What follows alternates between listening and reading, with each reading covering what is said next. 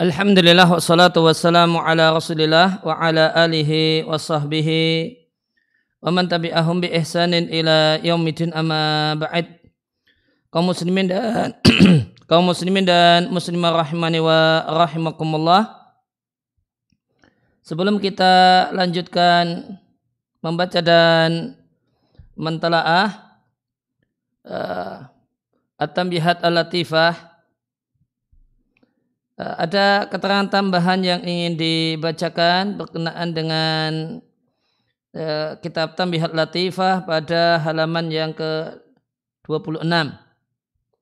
Tentang ya, empat nama Allah Subhanahu wa taala al-awwalu wal akhiru wal zahiru wal batinu yang dijumpai di surat Al-Hadid ayat yang ketiga.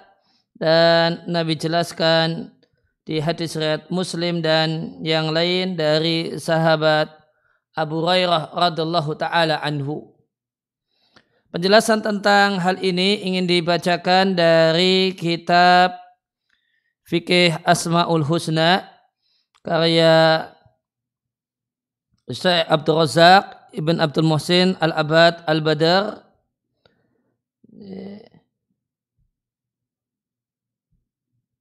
hafizallahu taala. Yang fikih asmaul husna ini kalau di kitab Al-Jami' lil Mu'allafati wa Rasail Syekh Abdul Razak ada pada jilid yang kelima tepatnya di halaman 214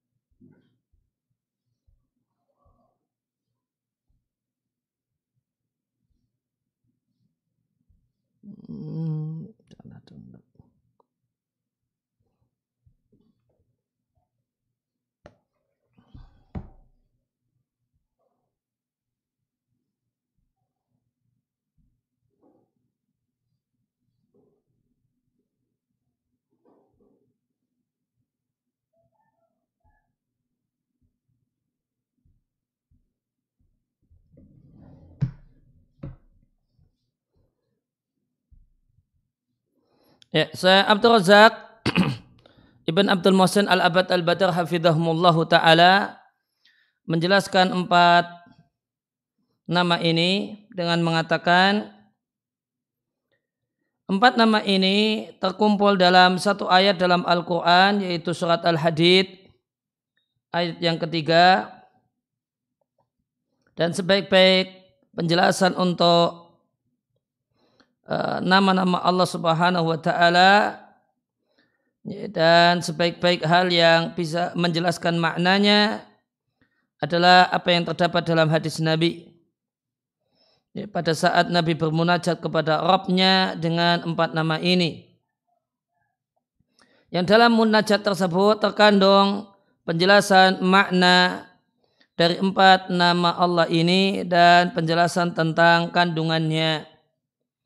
Diatkan oleh Muslim dalam sahihnya dari Abu Hurairah radhiallahu anhu. Qal Abu Hurairah mengatakan karena Rasulullah sallallahu alaihi wasallam ya'muruna idza akhadna majja'ana.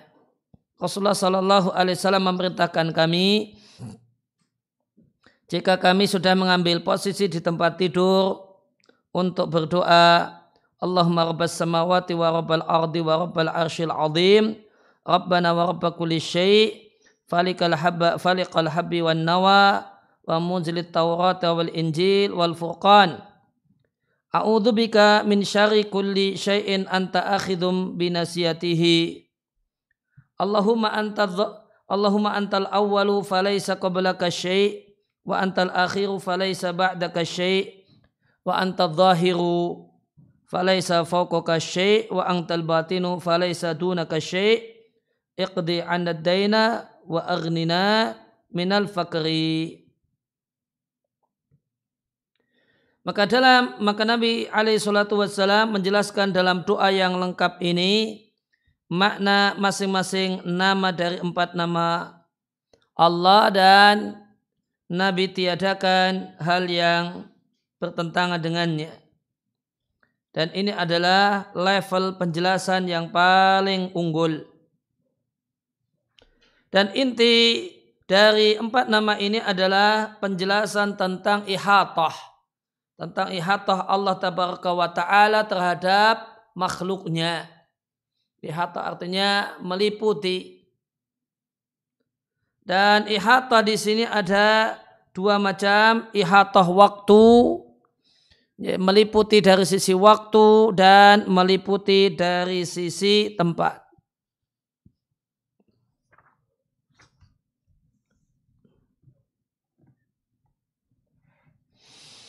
Maka nama Allah al-awwal wal akhir itu meliputi makhluk dari sisi waktu. Sedangkan al-zahir wal batin itu meliputi Allah meliputi makhluk dari sisi tempat. Fal ihatatu awaliyatihi wa akhir wa akhiriyatihi bil qabli wal ba'di. Maka dengan nama Allah al-awal dan al-akhir, maka Allah meliputi makhluknya dari sisi sebelum dan setelah. Maka semua makhluk yang dahulu berakhir pada nama Allah subhanahu wa ta'ala al-awwal. Dan semua makhluk yang akhir yang belakangan berakhir dengan nama Allah ya, al-akhir. Maka Allah itu adalah zat yang pertama mendahului segala yang pertama. Dan zat yang terakhir mendahului segala makhluk yang terakhir ada. Karena Allah itu abadi, ba'da kulli syai' setelah akhir segala sesuatu.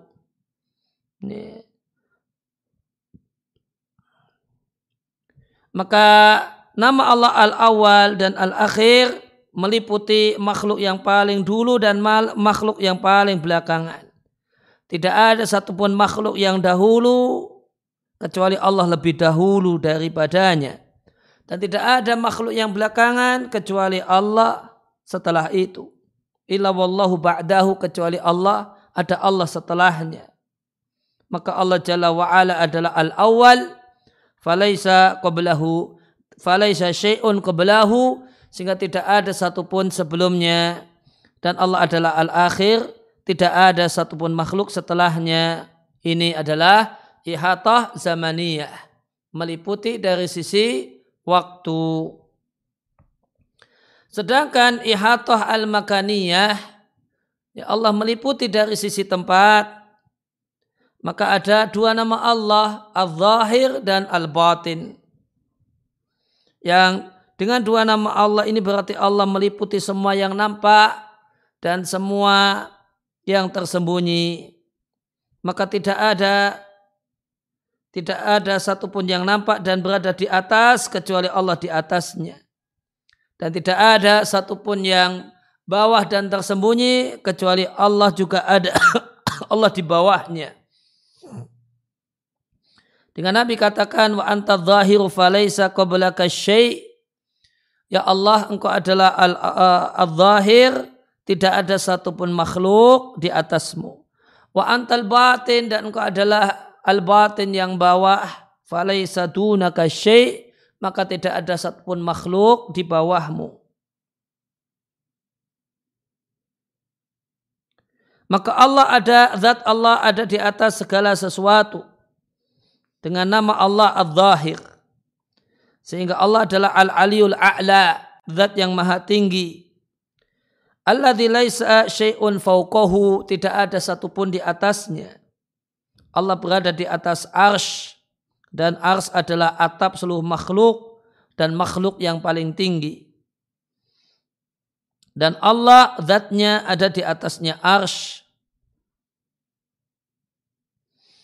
Fadhahiriyatuhu subhanahu maka Allah itu az-zahir dalam pengertian fauqiyah. Zat Allah ada di atas sana. Wa uluwuhu ala kulli syai. Dan Allah itu di atas segala zat Allah ada di atas segala sesuatu. Dan Allah dekat dengan segala sesuatu dengan namanya al-batin. Fabutunuhu subhanahu wa ta'ala ihatatuhu bikuli syai'in. Uh, dan yang dimaksud dengan Allah itu al-batin adalah Allah meliputi segala sesuatu dalam bentuk yakunu akorba ilaihi minapsihi. Allah itu lebih dekat dengan makhluk daripada makhluk itu sendiri dengan dirinya. dulu ala kamal itila'ihi maka nama Allah al-batin menunjukkan kalau Allah betul-betul sempurna mengetahui segala rahasia dan segala yang tersembunyi. Taqa ikil asyai Allah mengetahui hal yang kecil-kecil, hal yang jelimat-jelimat, wa khubaya al-umur dan hal-hal yang tersembunyi.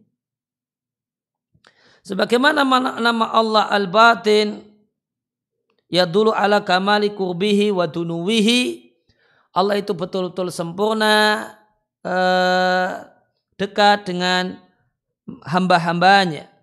Maka meskipun zat Allah ada di atas sana, namun Allah itu dekat dengan makhluknya, meliputi dan pengetahuan Allah meliputi seluruh makhluknya maka tidak ada yang bisa tersembunyi dari pengetahuan Allah Subhanahu wa taala langit per langit dan lapis bumi per lapis bumi.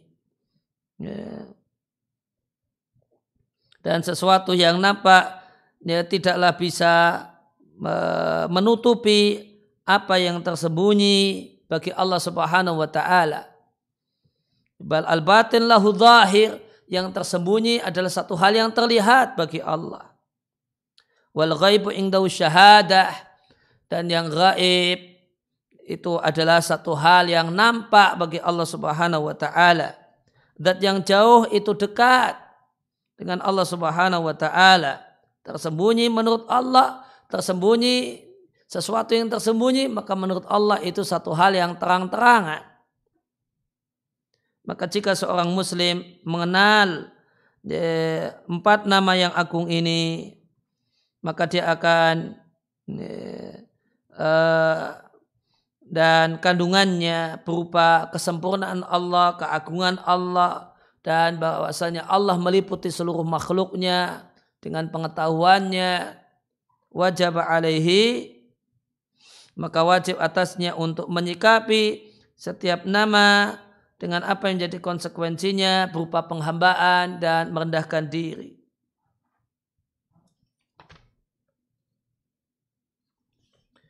Fama'rifatu maka ketika seorang hamba mengetahui bahasanya Allah ada al-awwal dat yang pertama yang mendahului segala sesuatu. Dan Allah Subhanahu wa taala mendahului segala sesuatu bil fatil wal ihsan dengan berbuat baik ya, dengan memberikan karunia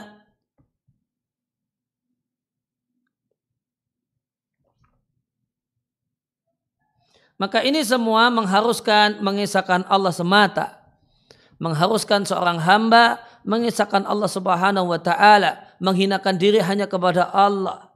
Dan mengadu hanya kepada Allah. Dan tidak menoleh dan tidak memberikan perhatian kepada selain Allah subhanahu wa ta'ala. Tidak tawakal kepada selain Allah subhanahu wa ta'ala. Dan ketika seorang hamba menyadari bahasanya Allah itu adalah al-awwal, maka ini berkonsekuensi at-tajarruda. Seorang itu membersihkan dirinya dari ketergantungan kepada berbagai macam sebab. Ya. Ya, akan kemudian membersihkan dirinya dari al-iltifat, memperhatikan sebab dan usaha. Kemudian beralih dengan menggantungkan dirinya dan hatinya kepada zat yang eh, darinya lah terdapat bantuan dan darinya lah karena dialah yang memberikan bantuan kepada seluruh makhluknya dan dialah yang menyiapkan segala sesuatu untuk makhluknya dan bahasanya karunia Allah itu lebih dulu dari berbagai macam sarana dan sebab. Kemudian pengetahuan seorang hamba bahasanya Allah itu adalah al-akhir. Tak tadi pengetahuan hal ini membuahkan sikap ayu ja'ala wahdahu ghayatal abdi. Seorang hamba menjadikan Allah Subhanahu wa taala sebagai ya, tujuannya. Yang tidak ada baginya tujuan selain Allah Subhanahu wa taala. Tidak ada sesuatu yang dicari selain Allah Subhanahu wa taala. Karena ilaihi wahdahu al-muntaha. Karena akhir segala sesuatu adalah Allah Subhanahu wa taala. Dan tidak ada di balik Allah tujuan dan tidak ada setelah Allah satu hal yang menjadi uh, maksud. Sehingga pengetahuan bahwasanya Allah adalah al-akhir ini mengharuskan membuahkan ada marukun ilal asbabi. Tidak ada kecenderungan kepada usaha karena yang namanya usaha dengan berbagai macam bentuknya harta, anak, istri, suami, kerabat, anak buah dan yang lainnya itu semua tan adimu la muhalata. Pasti akan tiada. Ya, itu semua akan tiada. Itu semua akan hancur. Ya, jabatan, popularitas, kecantikan, kegantengan, harta, anak, kendaraan mewah, rumah wah, seluruhnya akan hancur. La muhalata, tidak boleh tidak. Seluruhnya tangkadi akan berakhir. Dan yang tersisa adalah zat Allah subhanahu wa ta'ala. Yang tersisa adalah Allah yang ada im al-baqi ba'daha yang akan abadi setelah hancurnya seluruh makhluk. Maka ketika kita menggantungkan hati kita kepada usaha, kepada makhluk, maka berarti kita menggantungkan hati dengan sesuatu yang pasti nanti tiada dan sesuatu, sesuatu yang pasti akan berakhir. Sedangkan ketika hati kita bergantung hanya kepada Allah tabaraka wa ta'ala, maka ini berarti kita bergantung kepada zat yang hidup yang tidak akan mati. Zat yang abadi yang tidak akan tiada. Kemudian pengetahuan tentang bahasanya Allah itu adalah al-zahir. Dan bahasanya zat Allah itu di atas seluruh hambanya dan Allah mengatur segala urusan hamba. Amal hamba itu naik untuk dihadapkan kepada Allah Subhanahu wa taala. Maka keyakinan tentang Allah itu adalah al-zahir akan membuahkan husna tawajuhil qalbi ilaihi. Hati itu secara bagus akan tertuju kepada uh, hati itu secara baik akan tertuju kepada Allah Subhanahu wa taala. Wa tamamadzulli baina yadayhi. Ya, dan menghambakan diri secara sempurna di hadapan Allah Subhanahu wa taala ada ketundukan kepada Allah dan keagungan Allah merendah kepada Allah semata tanpa yang lain. Dzalika bi anna Allah wal haq wa anna ma yad'una min dunihi wal batil. Hal itu karena Allah adalah al-haq dan segala sesuatu yang mereka sembah selain Allah adalah that, ya, adalah sesuatu yang tidak berhak untuk disembah. Wa anna Allah wal aliyul kabir. Allah adalah zat yang maha tinggi dan maha besar. Maka orang yang tidak mengimani nama Allah al-zahir dan tidak meyakini Allah zat Allah ada di atas sana maka dia akan terlantar. Hatinya akan dia kacau karena hatinya tidak memiliki kiblat yang hati itu tertuju ke arahnya. Maka hatinya tidak memiliki sesembahan yang menjadi sasaran dari niat dan tujuannya. Kemudian buah dari mengimani nama Allah al-batin. Maka ketika dalam diri kita terdapat telah betul-betul merasuk dalam diri kita bahasanya nama Allah adalah al-batin. Dan kita menyaksikan dan mengakui bahasanya pengetahuan Allah itu meliputi segala alam. Dan bahasanya Allah itu dekat dengan hamba-hambanya. Dan Allah tahu betul apa yang tersembunyi. Maka buahnya tazkiyatan nafsi wa islahas sarirati. Maka ini akan membuahkan ya, pensu, uh, sucinya jiwa dan perbaikan hati, tadhir batin, ya, tadhir al batini dan pembersihan batin dan pembersihan hati dari segala kejelekan dan mengisinya dengan iman dan ketakwaan. Itu buah dari dari empat nama Allah ini.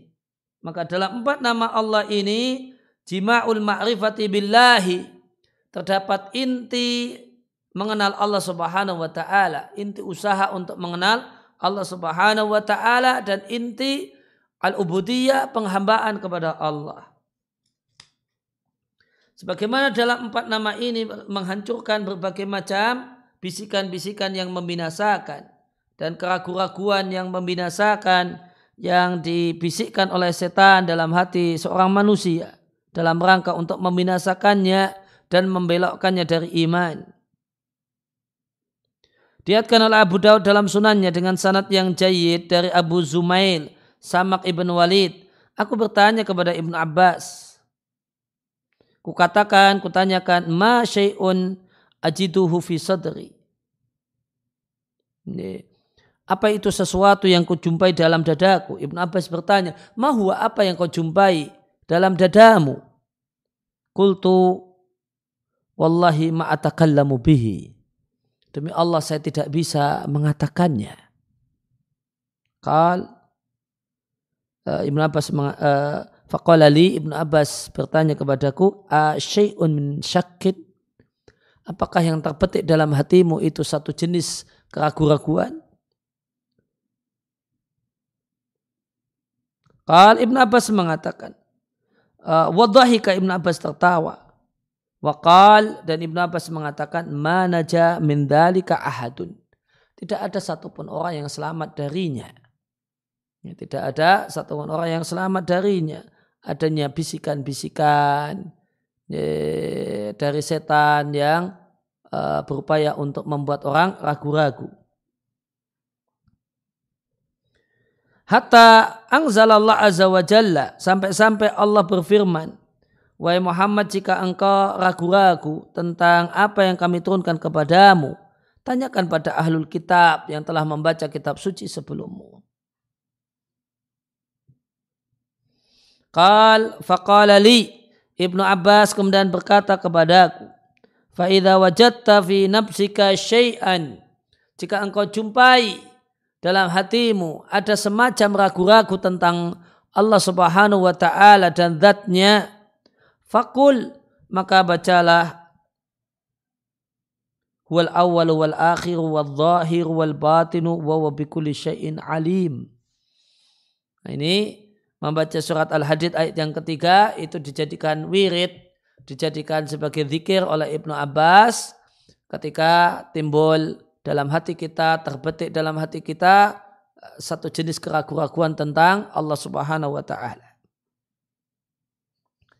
Ya, maka sahabat Nabi Ibnu Abbas radhiallahu anhu memberikan arahan untuk membaca zikir ini berupa kutipan ayat di surat Al-Hadid ayat yang ketiga untuk mengusir was-was dan menghilangkan berbagai macam bentuk keraguan. Demikian uh, penjelasan saya Abdul Razak tentang empat nama Allah al-awwal al-akhir wal-zahir wal-batin di kitab beliau fikih Asmaul Husna yang ini terdapat dalam Al-Jami' lil Mu'alafati wa Rasail Abdul Razak di jilid yang kelima halaman 214 sampai 217.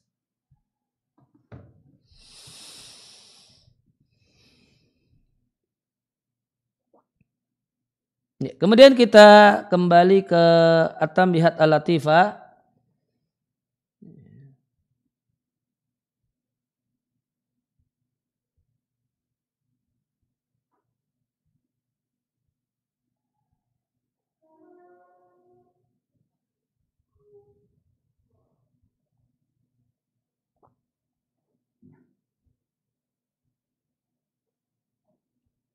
Terakhir, mana ya?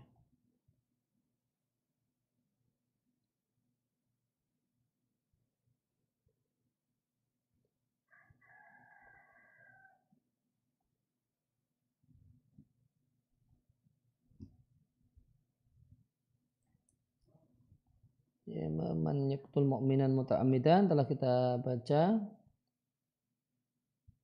ya lima khalaqtu bi yadayya ya kita bisa lihat di halaman 31 Ya, waqalatil yahudu dan orang-orang Yahudi mengatakan tangan Allah terbelenggu. Rullat aidihim. Tangan mereka lah yang terbelenggu. Walu'inu bima qalu. Mereka dilaknat karena ucapan yang mereka katakan.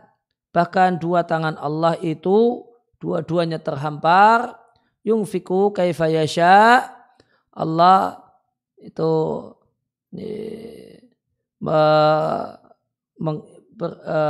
membelanjakannya kaifayasya sebagaimana yang dia kehendaki. Surat Al-Maidah ayat yang ke-64.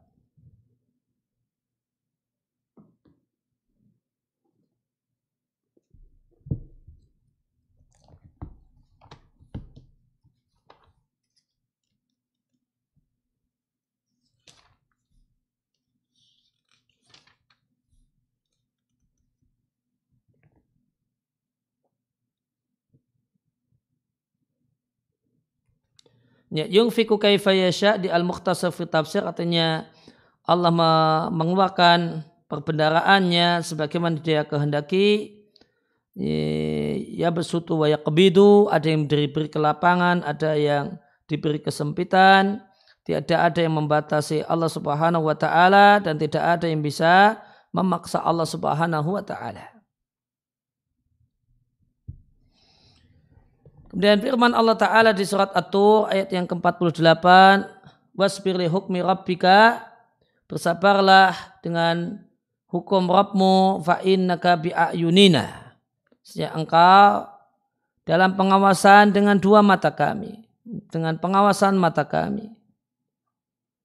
Firman Allah di surat Al-Qamar Wahamalnahu ala dhati alwahin wa dusur. Kami bawa Nabi Nuh di atas perahu dan perahu itu memiliki eh, papan-papan uh, wadusur dan paku-paku dan pasak-pasak. Tajri bi'ayunina yang berjalan perahu tersebut dalam pengawasan mata kami.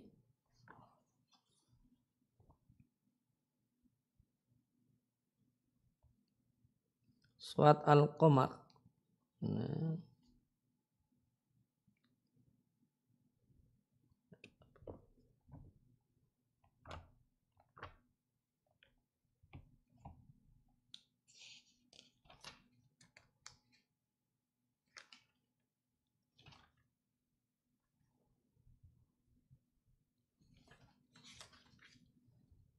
Al-Qamar ayat 13.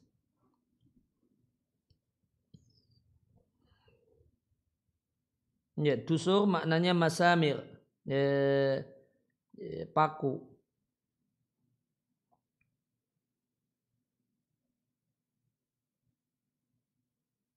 Maka kami selamatkan eh, kami selamatkan Nuh dan orang-orang yang bersamanya dari tenggelam. Tajri hadis safinatu bahwa tersebut berjalan di tengah-tengah gelombang air yang saling berbenturan bimar an minna wa hifdin. Dengan dilihat oleh kami dengan dua mata kami dan dalam penjagaan kami. Kemudian surat Toha ayat 39 wa alqaitu alaika mahabbatan minni walitusna'a ala aini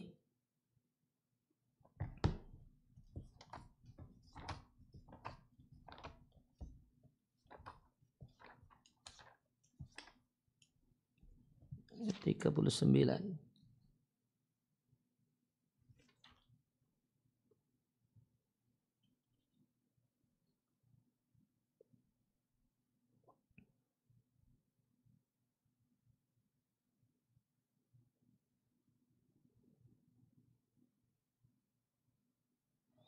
Ya, maka kemudian bayi Fir'aun, eh, bayi Musa itu diambil oleh Fir'aun yang merupakan musuhku dan musuhnya. Wawa Fir'aun. Wawada'tu alaika mahabbatan minni. Dan aku letakkan padamu rasa cinta dariku sehingga manusia pun mencintaimu. Walitusna'a ala aini maknanya walitatarabba ala aini. Dan engkau tumbuh besar ala aini ya, dibuat itu artinya di apa dimaknai dengan tatarobba tatatuturobba dibesarkan ala aini dalam pengawasan mataku wa fi hifdi wa riayati dalam penjagaan dan perlindunganku. Dan surat Ali Imran Laqad sami Allah qaulal ladina qalu Allah fakir wa nahnu aghniya Sungguh Allah mendengar ucapan orang-orang yang mengatakan, sungguh Allah sesungguhnya Allah itu fakir sedangkan kami adalah orang-orang kaya. Demikian juga di surat Al-Mujadilah Allah berfirman sungguh Allah mendengar ucapan seorang wanita yang mendebatmu tentang suaminya dan dia mengadu kepada Allah. Wallah dan Allah yasma'u tahawurakuma mendengar dialog kalian berdua Innallaha sami'un basir. Sungguh Allah maha mendengar lagi maha melihat. Ya, apakah mereka di surat Zuhruf, apakah mereka mengira kami tidak mendengar ya, rahasia mereka dan bisik-bisik mereka? Bala bahkan wa rusuluna ladaihim yaktubun para utusan kami yaitu malaikat mencatat ya, di dekat mereka. Surat Zuhruf ayat 80.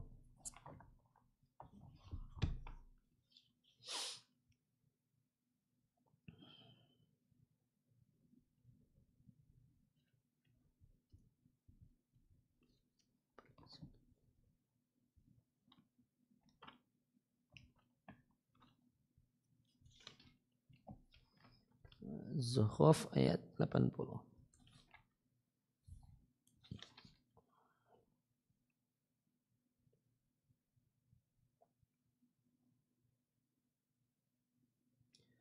Ya, apakah mereka menyangka bahasanya kami tidak mendengar rahasia mereka? Yang dimaksud rahasia apa yang mereka sembunyikan di dalam hati? Atau rahasia mereka yang mereka bisikkan dengan diam-diam, dengan suara lirih. Bahkan kami mendengar itu semua. Dan para malaikat di sisi di dekat mereka mencatat semua yang mereka lakukan. Maka Rasul, Rasul namanya malaikat. Sir artinya apa yang disembunyikan dalam hati. Najwa artinya bisik-bisik. Innani ma'akuma asma'u wa ara. Sungguh aku bersama kalian berdua, yaitu Musa dan Harun, aku mendengar dan aku melihat.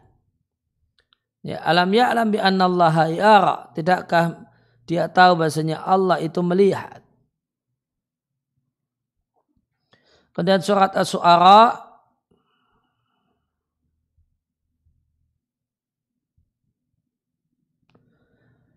Dialah Allah zat yang melihatmu ketika engkau berdiri untuk mengerjakan sholat dan bolak-balikmu yaitu gerakan-gerakanmu fisajidin bersama orang-orang yang bersujud yaitu sholat berjamaah. Wa malu fasayarallahu amalakum. Sampaikanlah beramalah kalian, sungguh Allah akan melihat melihat amal perbuatan kalian demikian juga Rasulnya dan orang-orang yang beriman. Dan firman Allah Ta'ala wa syadidul mihal dan Allah adalah zat yang keras siksaannya. Arad. Ayat 13.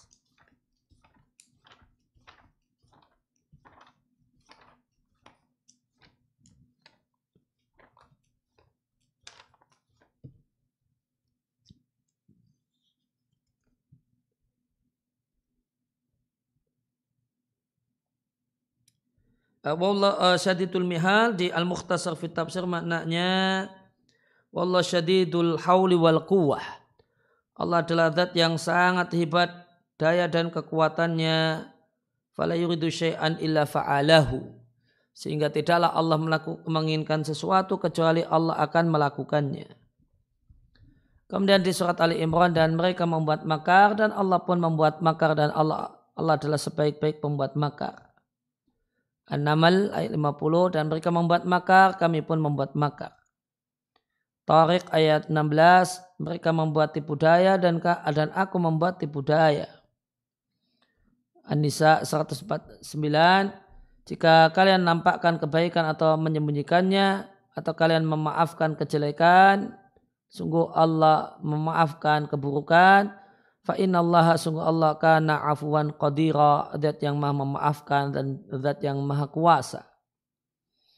Wal ya'fu wal yasfahu ini kalau al-afu itu digandeng dengan as-safu, dua-duanya maaf, maknanya memaafkan. Dan kalau digandeng, al-afu artinya memaafkan secara lahiriah, sedangkan as-safu itu memaafkan lahir dan batin. Atau lebih jelasnya kita lihat surat An-Nur. Ayat 22.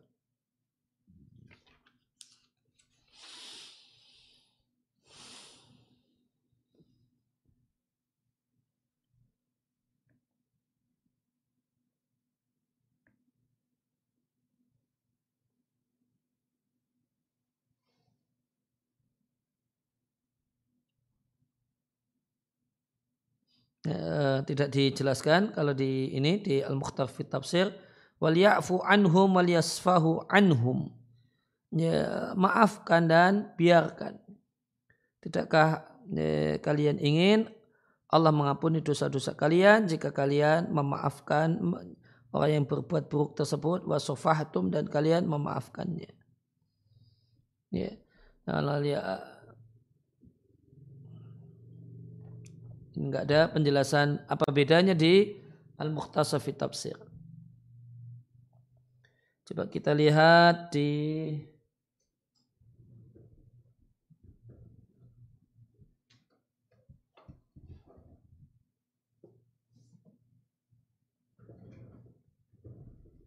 Kita lihat di tafsir Al-Muyassar.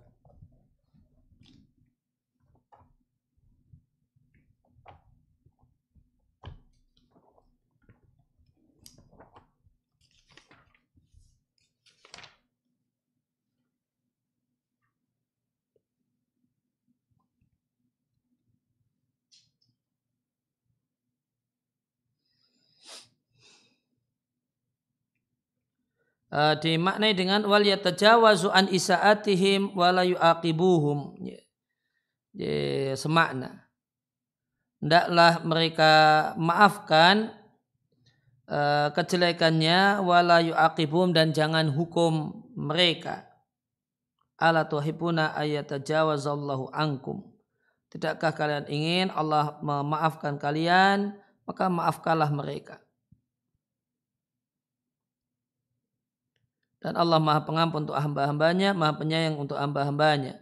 Dalam ayat ini terdapat motivasi untuk memaafkan dan memaafkan walau kubila bil isaati meskipun uh, mendapatkan sikap ya, keburukan. Ini ada penjelasan lebih tegas tentang uh, tentang hal ini di At-Tafsir Muyasar. Namun intinya kalau al-afu dengan asafu bergandeng maka al-afu itu maaf secara lahiriah dengan tidak menghukum, tidak de, membalas, waliasfahu dan uh, itu memaafkan secara batin, ya, atau lahir dan batin sehingga tidak ada sisa-sisa ganjalan di hati.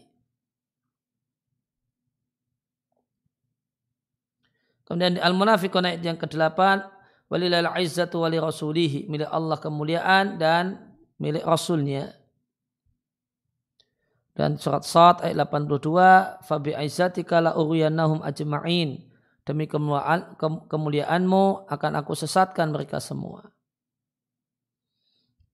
Kemudian surat Ar-Rahman Maha suci nama Rabbmu pemilik kemuliaan dan e, keagungan dan kemuliaan. Surat Maryam ayat 65 65 fa'buduhu wastabir li'ibadati. Sembahlah dia Allah dan bersabarlah untuk beribadah kepadanya. Hal ta'lamu lahu samia. Tidakkah uh, adakah engkau mengetahui makhluk yang semisal dengannya? Walam yakullahu kufuan ahad, tidak ada satupun makhluk yang sekufu dengan Allah, sebanding dengan Allah. Surat Al-Baqarah ayat 22, "Fala taj'alu lillahi andada." Janganlah kalian jadikan tandingan bagi Allah wa antum ta'lamun, sedangkan kalian tahu kalau Allah tidak memiliki tandingan. Surat Al-Baqarah dan di antara manusia ada yang menjadikan selain Allah tandingan-tandingan yang mereka mencintai tandingan-tandingan tersebut sebagaimana mereka mencintai Allah. Surat Al-Isra Katakanlah segala puji milik Allah zat yang tidak memiliki anak tidak ada baginya sekutu dalam kerajaannya. Walam yakulah waliyum minadzulli. Dia tidaklah memiliki pelindung dari kehinaan. Wa kabirhu takbira. Dan agungkalah dia dengan betul-betul pengagungan. Surat Al-Isra ayat 111.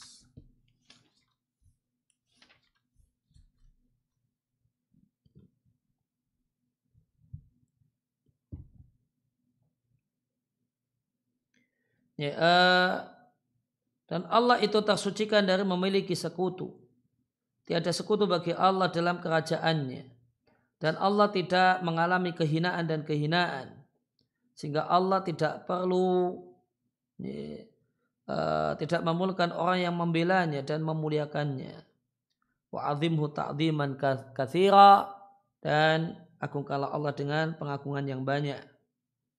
Dalam bentuk jangan disebutkan, jangan kepada Allah kalau Allah memiliki anak ataupun sekutu dalam kerajaan atau Allah memiliki penolong yang membantunya. Itu bentuk pengagungan Allah Subhanahu wa taala dengan berkeyakinan Allah tidak memiliki anak dan seterusnya. Yusabihu lillahi bertasbih karena Allah semua yang ada di langit dan di bumi. Lahul mulku walal hamdu milik Allah segala puji dan uh, milik Allah kerajaan dan miliknya segala puji. Wa ala kulli syai'in qadir dan Allah adalah zat yang maha kuasa atas segala sesuatu. Kemudian di surat Al-Furqan, Tabarakalladzi nazzala al-furqana ala abdi liyakuna lil alamin nadhira. Maha suci Allah zat yang menurunkan Al-Furqan yaitu Al-Quran pada hambanya supaya hambanya tersebut yaitu Muhammad sallallahu alaihi wasallam menjadi pemberi peringatan yaitu Rasul untuk semesta alam. Alladillahu mulku samawati wal ard milik Allah kerajaan langit dan bumi. Walam yattakhid walada Allah tidak memiliki anak. Walam yakullahu syarikum fil mulki. Tidak ada satupun sekutu bagi Allah dalam eh, dalam kerajaannya, memiliki kerajaan ini, kerajaan langit dan bumi. Wa khalaqa syai' dan Allah uh, menciptakan segala sesuatu faqaddarahu taqdira dan Allah menentukan takdirnya. Matakadallah min waladin wa makana ma'ahu min ilah. Allah tidaklah memiliki anak. Wa makana ma'ahu min ilahin dan tidak ada ilah sesembahan bersama Allah. Idan jika jika demikian Allah memiliki sesembahan la dhahaba kullu ilahin bima khalaqa. Niscaya masing-masing sesembahan akan pergi dengan apa yang dia ciptakan wala ala ba'dum ala ba'din kemudian sebagiannya berupaya untuk lebih unggul daripada sebagian yang lain. Subhanallah amma yasifun, maksudnya Allah dari sifat buruk yang mereka tetapkan. Alimul ghaibi wa syahada. Allah adalah yang mengetahui hal yang uh, tersembunyi dan hal yang nampak. Fata'ala amma yushrikun. Maksudnya Allah dari kemusyrikan yang mereka lakukan. Fala tatribu lillahil amthala. Janganlah kalian membuat permisalan-permisalan bagi Allah. Inna Allah ya'lamu wa antum la ta'lamun. Sungguh Allah mengetahui sedangkan kalian tidak mengetahui.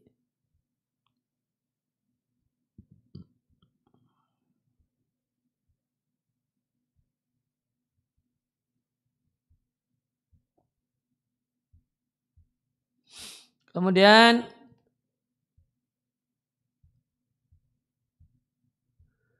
firman Allah Ta'ala di surat Al-A'raf ayat yang ke-33 Sampaikanlah wahai sang Rasul, Rabbku hanyalah mengharamkan al-fawahisha. Ya, perbuatan yang keji, yang nampak dan yang tersembunyi. Kita lihat Al-A'raf ayat 33.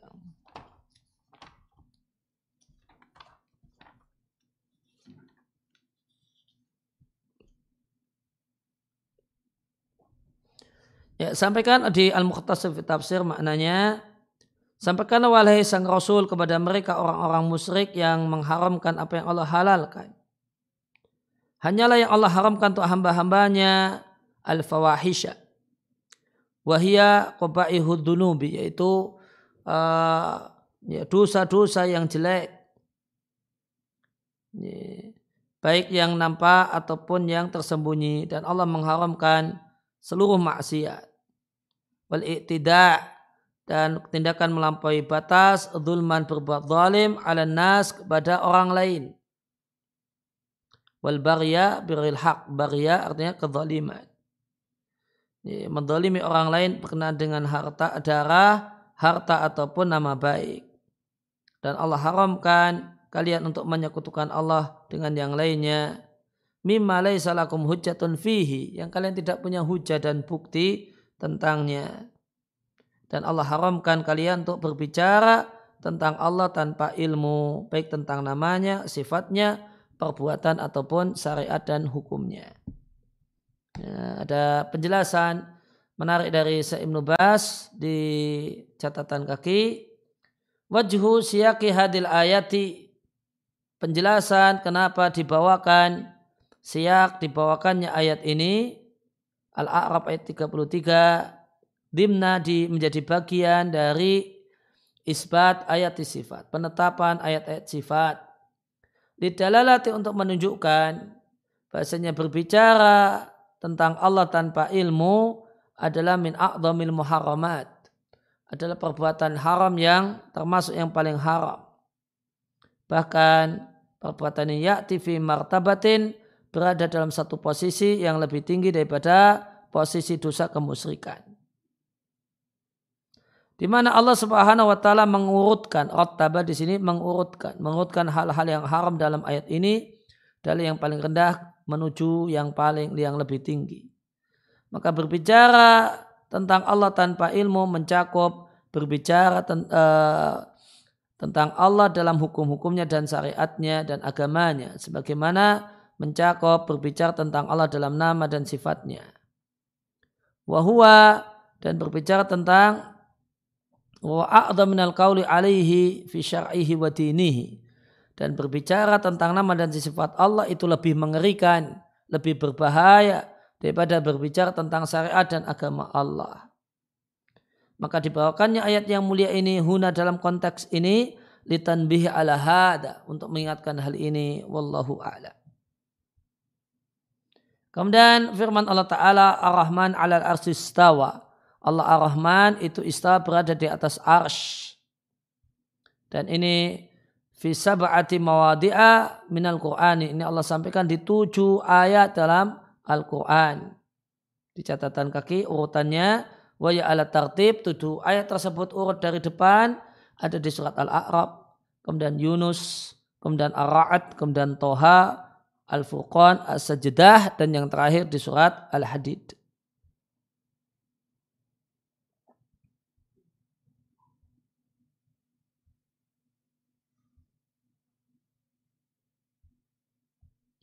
Masih ada empat lembar lagi, empat halaman. Uh, kemudian firman Allah, Ya Isa wa Isa, sunya ini mutawafika ya aku menggenggammu wa rafi'uka ilayya dan membawamu naik menujuku. Di surat An-Nisa bahkan Allah mengangkatnya, menaikkannya ilaihi menuju dirinya. Kemudian ilaihi hanya kepada Allah yas'adul kalimut tayyibu, perkataan yang baik itu naik. Dan amal saleh itu yarfa'uhu yang menaikkannya, menaikkan Al-kalimut tayyib.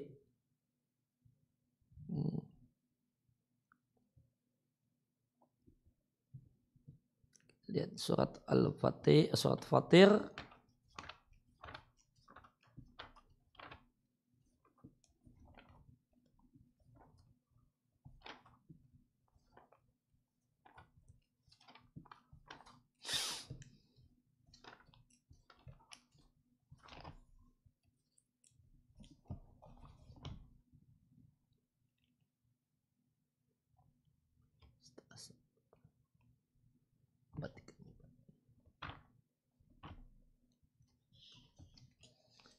misalnya surat Fatir ayat 10 di Al-Mukhtasar Fit Tafsir.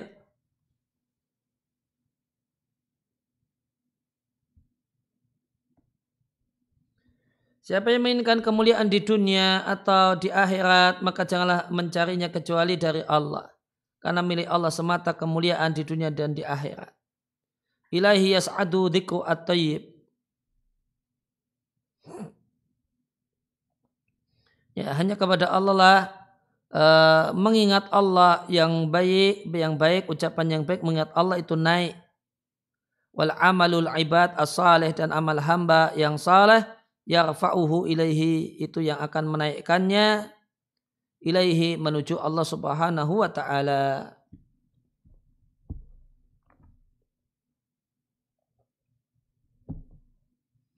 Kemudian uh, Fir'aun berkata kepada menterinya, Wahai Haman, bangunlah untukku sorhan menara la'alli ya mudah-mudahan aku bisa sampai ke jalan-jalan yaitu jalan langit eh, jalan-jalan langit. Aku ingin melihat ila ilahi Musa. Ya, Tuhannya Musa. Dan sungguh aku menyangka Musa itu bohong. Maka bikin menara. Ini menunjukkan kalau Allah ada di atas sana dan tidak di dan bukan di mana-mana. Kita lihat tafsirnya di Ghafir ayat 37.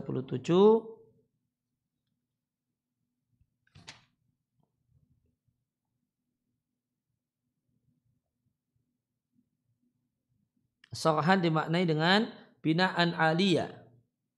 Bangunan yang tinggi. Aku berharap bisa sampai ke jalan itu sampai jalan-jalan langit yang mengantarkan kepadanya. Aku ingin melihat sesembahan Musa yang dia klaim adalah sesembahan yang benar. Sungguh aku menyangka Musa itu bohong dalam apa yang dia klaim.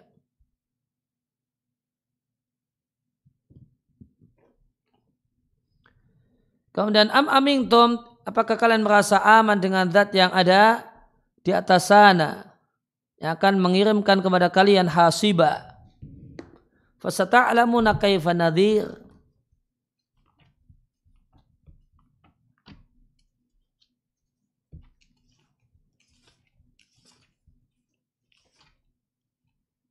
Ayat 17.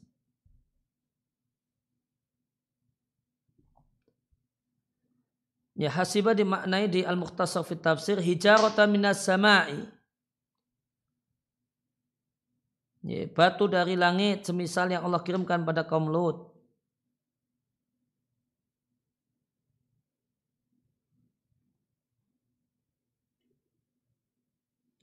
Fasata'lamuna kaifa nadhir maknanya maka kalian akan mengetahui ketika kalian melihat dengan mata kepala hukumanku maka kalian akan mengetahui ingdari lakum